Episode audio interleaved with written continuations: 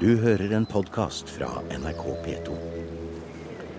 Dette programmet ble sendt første gang i mai 2015. Det er heldigvis ikke noen atomladning i den nå. Nei, den er tom. Den het Honest John.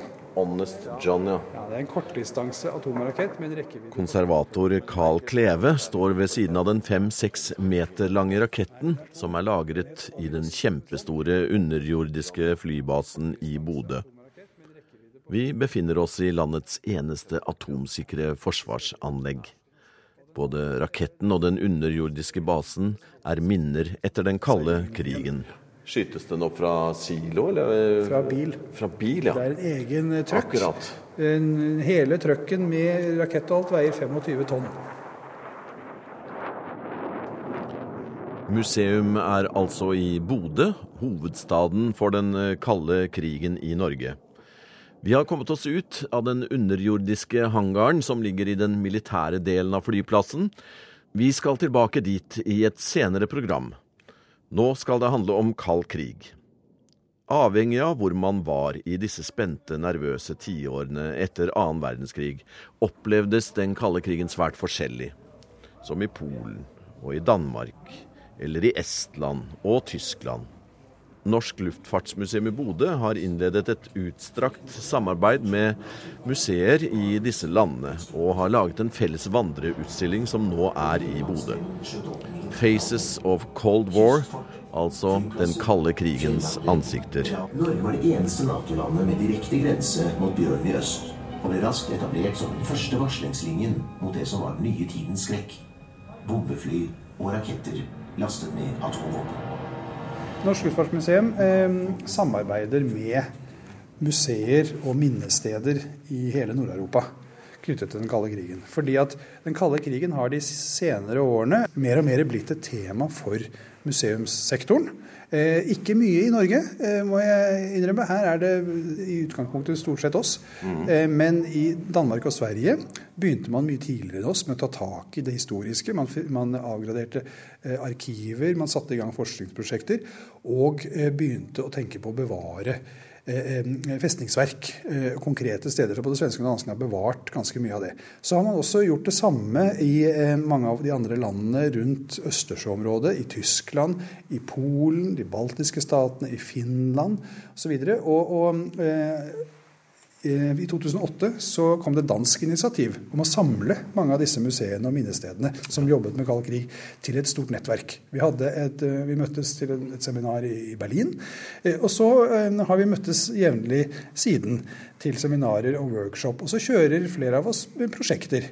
Så nylig så har Norsk Luftfartsmuseum avsluttet et prosjekt sammen med det danske kaldkrigsmuseet Langelandsfort. Et kjempedigert kystfort som ligger på, på Langeland sør for Finn. Eh, og eh, okkupasjonsmuseet i Tallinn, det estiske okkupasjonsmuseet. Eh, og med, eh, med en polsk kommune, Borne Sulinovo, eh, som var et lukket sovjetisk militæranlegg eh, fram til 1992, og plutselig polakkene fikk det. Ja. Og det ble en polsk by. Ja. Eh, også med eh, et par tyske eh, organisasjoner som jobber med den kalde krigen i det gamle Øst-Tyskland, gamle DDR. Eh, vi har jo da jobbet sammen i et par år med å utveksle erfaringer mellom eh, pedagogene våre, formidlerne våre. Hvordan i all verden formidler de den kalde krigen? Ja. Den kalde krigen er jo så særpreget. Den har mange fellesaspekter. Vi alle sammen lærer om supermakter og atomkrig og Sovjet og USA. Men så er det dette med hvordan den har påvirket oss i det daglige. Og hvordan den oppfattes. Hvordan ses den kalde krigen fra Norge, fra Estland, fra DDR, fra Polen? Det er mange unike synsvinkler som vi som museer på en måte har vært interessert i å, å, å bli litt mer kjent med hverandre og kunne inkorporere disse forskjellige synsvinklene eh, i, i vår. At ikke vi bare blir rent nasjonale. Nå er det tre jenter her. Hvilken skole er dere fra igjen? Eh, Vestmyra ungdomsskole. På Fauske. Akkurat. Eh, og er her på Flymuseet i Bodø. Nå skal de kle på seg en flygerdrakt her. Det er en konkurranse her nå. Så får vi se åssen det går. Ja, Det må begge kunne se på. Uh, den først, så den grønne dressen, så oransje dressen. Og så er det fallskjermen og hjelmen på Sånn slutt. her. Marika holder den litt nær. Du får ikke den opp. Glidelåsen var ikke åpen, det var litt dumt. Må jeg si det? Kald krig formidles til skoleelever i hele regionen gjennom Den kulturelle skolesekken, og konkurranse mellom gutter og jenter om å få på seg full eh, pilotutrustning på raskest mulig måte engasjerer elevene. Faces of Cold War er i hovedsak en plakatutstilling, så det er behov for litt fysisk aktivitet eh, innimellom. Vi har, altså utgangspunktet er en plakatutstilling, men vi har lagt til litt grann, her sånn da. Og her er museumspedagogene Ja, som visst eh, det. Det er Bodil, som er forvalter. Det er Bodil. Bodil Nyås. Kari Aas White. Og Kristin Maurdal. Det er dere som nå lærer opp den eh, unge generasjonen om noe som heter kald krig. Har dere opplevd den sjøl i det hele tatt? da? Ja, så vidt. Jeg ble jo født på 70-tallet, så vi, vi, vi levde jo på den siste, siste biten av den. Ja. Men det er klart de som vokser opp nå, har jo ikke opplevd det. Nei. De Hvordan mer merker dere det? Jo, det merker vi jo. Altså, de trenger litt historie for å få interesse for det. De tar mye for gitt sånn som vi har det i dag. Ja. Nå fulgte jeg deg litt, og det var jo en taus forsamling. Eh, Det var én som ropte ut et eller annet her. Og når dere konkurrerte om å kle på en pilot, da ble det jo litt eh, eh, liv i leiren. Ja da, og eh, for det som er, det er jo at det er et litt vanskelig tema, for de kan ikke så mye om Norge sin historie under den kalde krigen. Det er ikke noe som står mye om i skolebøkene. Så det er klart de trenger, de trenger å bli litt varme, og vi må fortelle dem litt før de tør å spørre. Og, men når de nå skjønner litt, så blir de veldig engasjert, og, og, de syns det er viktig. Men det er klart, når du ikke har hørt så mye om det fra før, så er det vanskelig å, å synes et emne er viktig hvis du ikke kan noe om det. Eh, Men hvordan er dere mm, trena på, på denne utstillingen eh, da? Og i hvilken grad eh, har dere vært i kontakt med de andre museene? I Tallinn f.eks. og Danmark og Ja, Vi har jo vært med i et nettverk som vi, har, eh, som vi da har reist til de andre landene og sett deres måte å formidle den kalde krigen på. Så det har jo vært veldig interessant. Det har jo gitt oss et helt nytt bilde av hvordan det har skjedd i de ulike landene. For eh, vi formidler jo hva skjedde i Norge, Ja. og så er det jo viktig å se hva formidler de innad i sitt land om den kalde krigen sin påvirkning akkurat der. Der. kommer gutta sakte, men sikkert etter her. Ja da, gutta kommer sterkt etter. Hvilke av landene er det som utmerker seg i, i annerledeshet, uh, syns dere? Og det syns jeg er litt vanskelig. Jeg syns det er vel kanskje det som var flottest, var å se det, hvor forskjellig det er, også innenfor det gamle jernteppet.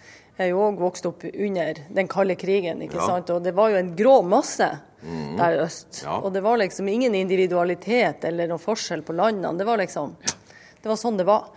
Eh, Så det å se det, at det er veldig forskjellig eh, hvordan eh, ja, folk har levd, og hvordan man har opplevd den kalde krigen på den sida av jernteppet, har vært veldig bra. Men jeg tror kanskje det mest spesielle er den eh, byen som heter Borne Sulinovo, som var en av deltakerne i prosjektet vårt. Mm, Det er i Polen. Det er i Polen. Og der var det en, eh, var det en hel russisk Ja, først- eh, kjempestor leir som når den ble forlatt Ja. og så videre, så ble det en by nesten? Ja, så, ble, ja, så gjorde man det om til en sivil by. Først hadde det vært en tysk treningsleir for Hitlers sine tropper, og så var det en treningssted for russiske tropper. Og etter det så har man gjenbrukt deler av den strukturen i byen, som er litt sånn pussig da, i forhold til en vanlig bystruktur. For det er jo egentlig en militærforlengning. Uh, og det var, det var spesielt. Og det å se hvordan de prøver å å uh, ivareta den byen, og ivareta historien der, samtidig som man skal leve vanlig liv og få et næringsliv til å, å komme opp og stå. Har de den kulturelle skolesekken i, de, i de andre land nå, eller er det, er det tilsvarende eh, systemer? Vet dere noe om det? Eh, nei, de har jo ikke den kulturelle skolesekken, så mange ser jo kanskje mot Norge og skulle ønske at man hadde noe lignende. Eh, men, men, men de underviser jo der òg, i historie og kultur. Og, men det blir kanskje mer opp til den enkelte lærer at, det, at de tar initiativ for at dette ønsker vi å vite mer om, og så drar de ut og besøker museet. Men det som har gått opp for meg nå, er jo at eh, Polen og eh, Litauen og, Estland, og de var jo på, på, på, på den gærne sida uten å tenke Jeg har ikke tenkt ordentlig gjennom at de var jo på en måte selvstendige nasjoner, og i en virkelig skvis. Ja, i uh, Tallinn så uh, Altså, vi var jo Den ene delen som var med i nettverket, heter jo Museum of Occupations. Altså i flertall okkupasjoner. Først okkupert av tyskere og så Ja. russere. Ja. Og, og det var òg litt sånn Var okkupert? Dere var vel Var det ikke sånn at dere var sammen? For det er jo en sånn oppfatning, som du sier, ikke sant, at de var selvstendige stater, og at det var et eget folk. Eh, Så det er jo òg en måte å, å få en kjennskap til at deres opplevelse av den kalde krigen var rett og slett en okkupasjon. Og det var deportasjon av flere titusenvis av folk. Jeg tenker at um, vi kan se det i noen av elementene i denne utstillingen. For et resultat av dette nettverksarbeidet vi har gjort, er jo denne utstillingen. Det er jo ett av flere resultater. Det aller viktigste var jo egentlig den erfaringsutvekslingen. Men vi vil også lage en fysisk, et fysisk resultat. Den her er felles utvikla? Yes. Felles utviklet, ja. Og der er et av de temaene i utstillingen er viktig hendelse. Altså sentral hendelse. Og eh, sånn som vår hendelse, eh, vi har valgt U2-episoden, som er en sånn klassisk kald krig-hendelse. Eh, mens f.eks. da esterne, de har valgt en hendelse som har med frigjøringen fra Sovjet å gjøre. Altså som ikke har noe med den kalde krigen mot, mot Nei, øst og øst å gjøre, men som har noe med den indre. Indre. Ja. Stemmer. Den sier en del, synes jeg, om hva de syns var viktig, den kalde krigen. Og forskjellen på dem og oss. Museum er i Bodø på Norsk luftfartsmuseum. Museet har innledet et samarbeid med flere europeiske museer om temaet den kalde krigen. Den spente situasjonen med våpenkappløp og maktbalanse ble opplevd forskjellig. Det skal vi komme tilbake til. Konservator Carl Kleve nevnte U2 som den store enkelthendelsen her i landet under den kalde krigen. Amerikanernes spionfly brukte Bodø som base. Og her hører vi jagerflyger Tor Wirrik fortelle i et gammelt opptak hvordan han tok av fra Rygge militære flystasjon for å avskjære det fremmede flyet som var blitt observert på norske radarer. og, og kikka og greier. Vet du, skopet var helt blankt. Du, blir, du ser jo stjernene oppi der. Jeg kom til 48 000 fot. Du ser jo stjernene midt på dagen oppi der. Hvor, hvor, hvor høyt var han da? Ja, det, det var det vi lurte på. da. I hvert fall så, så fløy vi nedover. Vi var oppe ved Gardermoen. Vi fikk eh, kontakt da. Eller siste gang. Og, og da eh, var Bostad som fikk se den. Han satt bak meg. 12 o'clock, very high, sa han. Og kikka der oppi der, vet du, fikk du se en sånn liten blank sak. Og jeg, jeg skrev en rapport om dette her, og jeg estimerte høyden til eh, mellom 60 og 70 000 fot. Var uhørt. Det var ingen som fløy så høyt på den tida der. Her går vi mellom eh, helikoptre i alle størrelser og fasonger. Jeg vet ikke om jeg ville turt å vært med i det der eh, lille spetakkelet der med noe remdrift og noe greier. Men eh, her noe av det mest konkrete og, og eh, symbolske eh, vi kanskje vet om, sånn, om kald krig, altså U2-flyet. Dette her kan fly eh, opp til et sted mellom 75 og 90 000 fot. Det vil altså, da snakker vi om opp mot eh, 30 000 meter. Tre ganger så høyt som et vanlig Da begynner lufta å bli ganske tynn. Da er du egentlig i praksis ute i verdensrommet.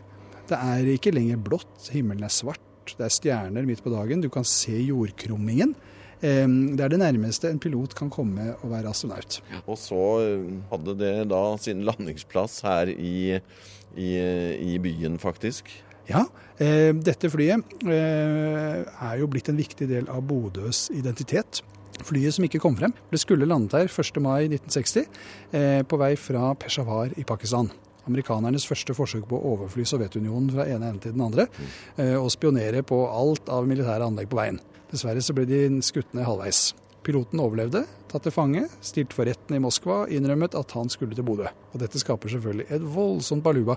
Khrusjtsjov, som da var eh, sjef i Sovjetunionen, han var jo kjent for å være litt av en brumlebase, som brukte store ord. Så han truet jo med å bombe Bodø og andre baser i Norge eh, med atombomber.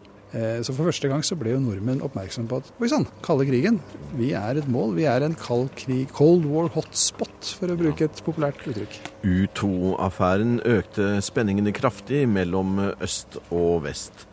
Nordmenn var engstelige, og som vi har hørt tidligere i programmet, så ble det kanskje dobbelt vanskelig for land i øst. Det, det bemerkelsesverdige er egentlig at hvor mye som er likt. Altså frykt, Mye av frykten er den samme. Man, man, man, man, har mange av de samme erfaringene, men knyttet til lokale steder. Mange har en sånn oppfatning av at sine erfaringer er unike, mens de i virkeligheten er de samme. Men, men, samtidig så er det helt klart at det er et skille som går kanskje særlig mellom øst og vest. Hvordan da østblokklandene, Polen og Estland, som vi har jobbet da konkret sammen med, de, de var jo i den unike posisjonen at de både fryktet angrep fra vest, men samtidig fryktet de også Sovjetunionen, fordi de anså seg selv som okkupert land. De, for dem hadde annen verdenskrig aldri sluttet.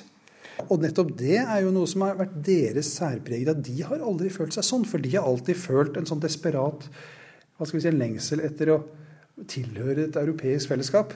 De har, for dem så er Øst-Europa lenger øst.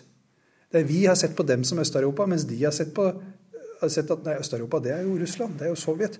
Og så har de sett på seg selv som okkupert, og sett på seg selv som en sånn her fortvilet situasjon av å være både De har vært okkupert, men samtidig fryktet et angrep fra de som de gjerne skulle hatt hjelp fra. Sånn at det er en sånn slags lengsel etter vest. Men samtidig så utviklet man jo også en egen identitet. sånn at man ønsket jo også å være på en måte å, mobilisere og være stolt over sin egen identitet som en del av øst også. Sånn at de har hatt en sånn dobbelthet som er, er, er ganske spesiell, og som vi må prøve å få formidlet. Som vi har hørt, har konservator Carl Kleve og museumspedagogene Bodil Nyås, Kari Aasjord White og Ann-Kristin Maurdal besøkt sine samarbeidspartnere, og vice versa. Gjenbesøket i Bodø ble litt spesielt. For det samarbeidet, det her prosjektet vårt, det har egentlig vært et sånt partnership-prosjekt. Og det betyr at vi har reist til hverandre. Så vi har besøkt Museum of Occupation i Tallinn, vi har besøkt Borne Sulinovo i Polen, Langeland fort i Danmark og en grenseby, Slagsdorf i Tyskland. Sånn at vi har vært og besøkt alle de plassene og sett på hvordan man formidler den kalde krigen på de stedene. Og vært der i tre-fire-fem dager på hver plass. Og de har selvfølgelig også vært her, vært her ja. hos oss og sett våre ting. Hva syns de om Bodø? Jo, De syns jo det var veldig spesielt at byen har en så sterk militært nærvær. Og flere tok jo bilder, dessverre, da, av flyplassen. Og da kom militærpolitiet og henta og sa at det må dere slette fra apparatet. Da ble jo faktisk vi også som bor her ganske overraska, men vi tar jo ikke bilder av flystasjonen til vanlig. Men plutselig var det sånn blaff fra den kalde krigen til oss alle. Og når de skulle inn på stasjonen, det kan du jo fortelle. Ja, det kan du jo også. Nei, for jeg, jeg var ikke med. Nei, vi, vi, hadde jo Gruppen måtte jo søke for å få lov å komme inn på eh, militærstasjonen. For vi skulle inn i anlegg 96, det her eh, atomsikre hangaren. Og eh, Det var jo en større prosess for dem i, i, deres hjemland å prøve å få det til. Og Noen fikk vi med oss inn, men eh, danskene, som faktisk var mest sikkerhetsklarert fra før av, de fikk ikke komme. Fordi at vi fikk ikke de rette klareringene. Her? Her. Sånn at det var faktisk Det ble ganske sånn vanskelig tredemølle å få dem inn til å se på de kaldkrigsanleggene som vi hadde. Så i Bodø så holder den kalde krigen fortsatt varm? ja, men, det var, men, i hvert fall, men det at du er en levende militærby, en så sterk militær tilstedeværelse Vi nordmenn tenker ikke på at Norge er noe spesielt militært militarisert. Men, men, men, det ble veldig tydelig når de kom hit, at jo, vi var mye, mye mer militarisert her enn det de var i Polen eller Estland eller Sverige og Danmark eller Tyskland. Så vi er en av verdens mest militariserte regioner. Og det er jo også noe som vi ikke går ut og tenker over, men som vi kan være med på å formidle. Maktbalansen var et ord som gikk igjen i norsk politisk debatt. Flertallet mente at vi måtte ha et sterkt forsvar og ha allierte for å stå imot motparten, som var stor. Blokkpolitikken. Og så forsvant jo det her for ikke så veldig, veldig lenge siden. Og hva opplever vi nå? Ja, vi, eh, Det er jo en eh, maktutøving som foregår nå. Så det er klart at det er jo viktig å trekke noen paralleller. Og, men kanskje ikke trekke dem for langt, men eh, i alle fall holde debatten levende. Og Da tenker jeg òg at den kalde krigen som en sånn historisk epoke blir òg veldig relevant i forhold til å forstå hva det er som foregår nå. Og til å prøve å forstå eh, hva som er Russlands sin, sine motiver i dette, og hvordan Vesten responderer. Hvis man ikke har kjennskap til den historiske bakgrunnen, så er det veldig vanskelig å forstå hva som foregår. Vi, ser jo som et godt eksempel klassene, de klassene som vi har nå på, på, undervisning, eh, at de, de fra, når vi begynner å fortelle historien, så blir de litt stolt. Så tenker de oi, var Bodø og Norge så viktig? Og så blir de litt sånn, så ser vi at de vokser litt og blir litt stolt. Og så når vi kommer inn på baksida av medaljen, at vi var et bombemål og at vi var veldig utsatt, så blir de litt sånn oi, ja. Og da skjønner de kanskje mer hvorfor det her er viktig å forstå, for å se dagens situasjon også. Årene med kald krig var ubehagelige og noe negativt. Eh, ifølge konservator Carl Kleve fikk denne tiden eh, avgjørende betydning for en positiv utvikling av Nord-Norge etter ja. annen verdenskrig. Ja. Nord-Norge og Sør-Norge var to helt forskjellige verdener. Eh, folk kan jo her oppe i nord av og til spøkefull snakke om at på Aftenposten på 50-tallet så kunne det stå sånne annonser om hybel til leie NB, ikke nordlendinger. Ja, stemmer. Eh, men det er, eh, det er et uttrykk for noe større, nemlig at Nord-Norge hang igjen i et sånn førmoderne fiskebondesamfunn som ikke hadde endret seg stort siden middelalderen. Mm. Mens Sør-Norge var et moderne, industrialisert samfunn. Her hadde man vært med på den industrielle revolusjonen siden slutten av 1800-tallet. I Nord-Norge kom den industrielle revolusjonen med forsvarsutbyggingen på 50-tallet. Ja. Forsvaret fikk den rollen i nord som Norsk Hydro fikk i Porsgrunn eller på Rjukan eller på Notodden. Hjørnesteinsbedrift som hele samfunnet ble formet rundt. Dette skjedde i en periode hvor alle på politisk nivå visste at de trengte å gjøre noe ja. i nord. Man lagde Nord-Norge-planer og eh, en masse. Men det var ikke noe penger til å gjøre noe med det. Nei. Eh, det var et behov for å bygge ut flyplasser, for alle visste at flyvning var fremtidens transportform. Ja. Men det var ikke noe penger til å gjøre noe med det. Så kommer da Natos infrastrukturprogram, våpenhjelpprogrammet. Åpen sjekk fra amerikanerne. Her Så det kalde krigen ble på en måte drivstoffet i utviklinga av den nordlige landsdelen vår? Yes, det er det den ble. Den, ingen koblet kald krig egentlig med krig før U2-episoden. Før den tid så var det rett og slett penger, det var investeringer og arbeidsplasser. Eh, sånn som her i Bodø er ett eksempel av mange. Altså Hver eneste kommune i nord, fra Salten og nordover, har minst ett militæranlegg. Eh, eller et sivilt anlegg som ble bygget med eh, militære penger. Strømforsyningen ble bygget ut med militære penger. Det finnes Nato-kai i hver eneste lille eh, landsby. Altså, og det har du i Sør-Norge òg. Alle kystbyer og kystlandsbyer har en Nato-kai. Eh, og Den har jo vært da skapt grunnlaget for modernisering av fiskeflåten i nord. Uten Natos investeringer i dypvannskaier ikke noe grunnlag for moderne eh, fiskefartøyer i de gamle fiskeværene, som var bygget med tanke på at disse la, nordlandsbåtene du kunne dra på land om, om eh, mm. dra på stranda om natta. Eh, Andøya f.eks. Eh, et eksempel på en sånn eh, fiskevær som i grunnen var lå an til å bli nedlagt. For det, det var ikke mulig der uten massive investeringer å konvertere det fiskeværet til et moderne eh, fiskevær. Og det fantes ikke noen lokale penger. Eh, men så kommer da investeringene i en gigantisk flystasjon. Og hvor da Forsvaret finansierer utbygging av kraftverket, Forsvaret finansierer utbygging av vannverk, vann og avløp. Alt det sivile. Veier, broer, eh, havneanlegg. Alt blir eh, militært. Og så kommer Forsvaret som kunde til disse her nye flyselskapene. SAS kommer og tenker oi, her må vi bygge ut ruter. Men det er jo ingen som har råd å fly. Bortsett fra Forsvaret. Akkurat. Så dermed så oppretter man flyrute til Bodø. Man oppretter på, i 54, og så flyrute til Bardufoss i 56. Tromsø Nei, vits å bygge flyrute dit, for at Forsvaret flyr ikke til Tromsø. Akkurat. Så det tar det ti år til før det kommer til Tromsø. For eksempel. Forsvaret styrer dette her. Forsvaret bygger flyplassene. Forsvaret drifter det. Det er først faktisk på midten av 2000-tallet at Forsvaret trekker seg helt ut fra de siste sivile flyplassdriften i Finnmark. For da har de driftet eh, radaranlegg der oppe. Det første Avinor overtar. Sånn som Forsvaret har ligget under og styrt alt dette. Og så kommer alt det andre etterpå. Når først Forsvaret har modernisert, da kan man etablere nye næringer. Fiskeri, eh, fiskeforedling, offentlig administrasjon, alt mulig annet rart. Eh, utdanninger, alt sånt som Forsvaret har lagt grunnen for. Gir en sånn herre boost til sivile næringer. Bodø er et kjempegodt eksempel. Denne byen er formet av den kalde krigen. Uten kald krig, før kald krig, var Bodø en søvnig liten fiskelandsby. 5000-6000 mennesker, og hadde ikke endret seg stort siden sildefiskeriene på 1870-tallet. Plutselig eh, så kommer den kalde krigen. Norge blir en frontlinje på grensen til Sovjet. Det blir et behov for enorme militærbaser her oppe.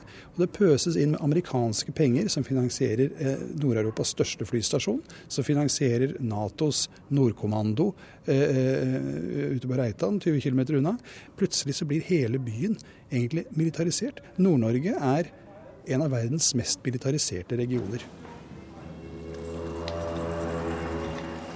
Du har hørt en podkast fra NRK P2.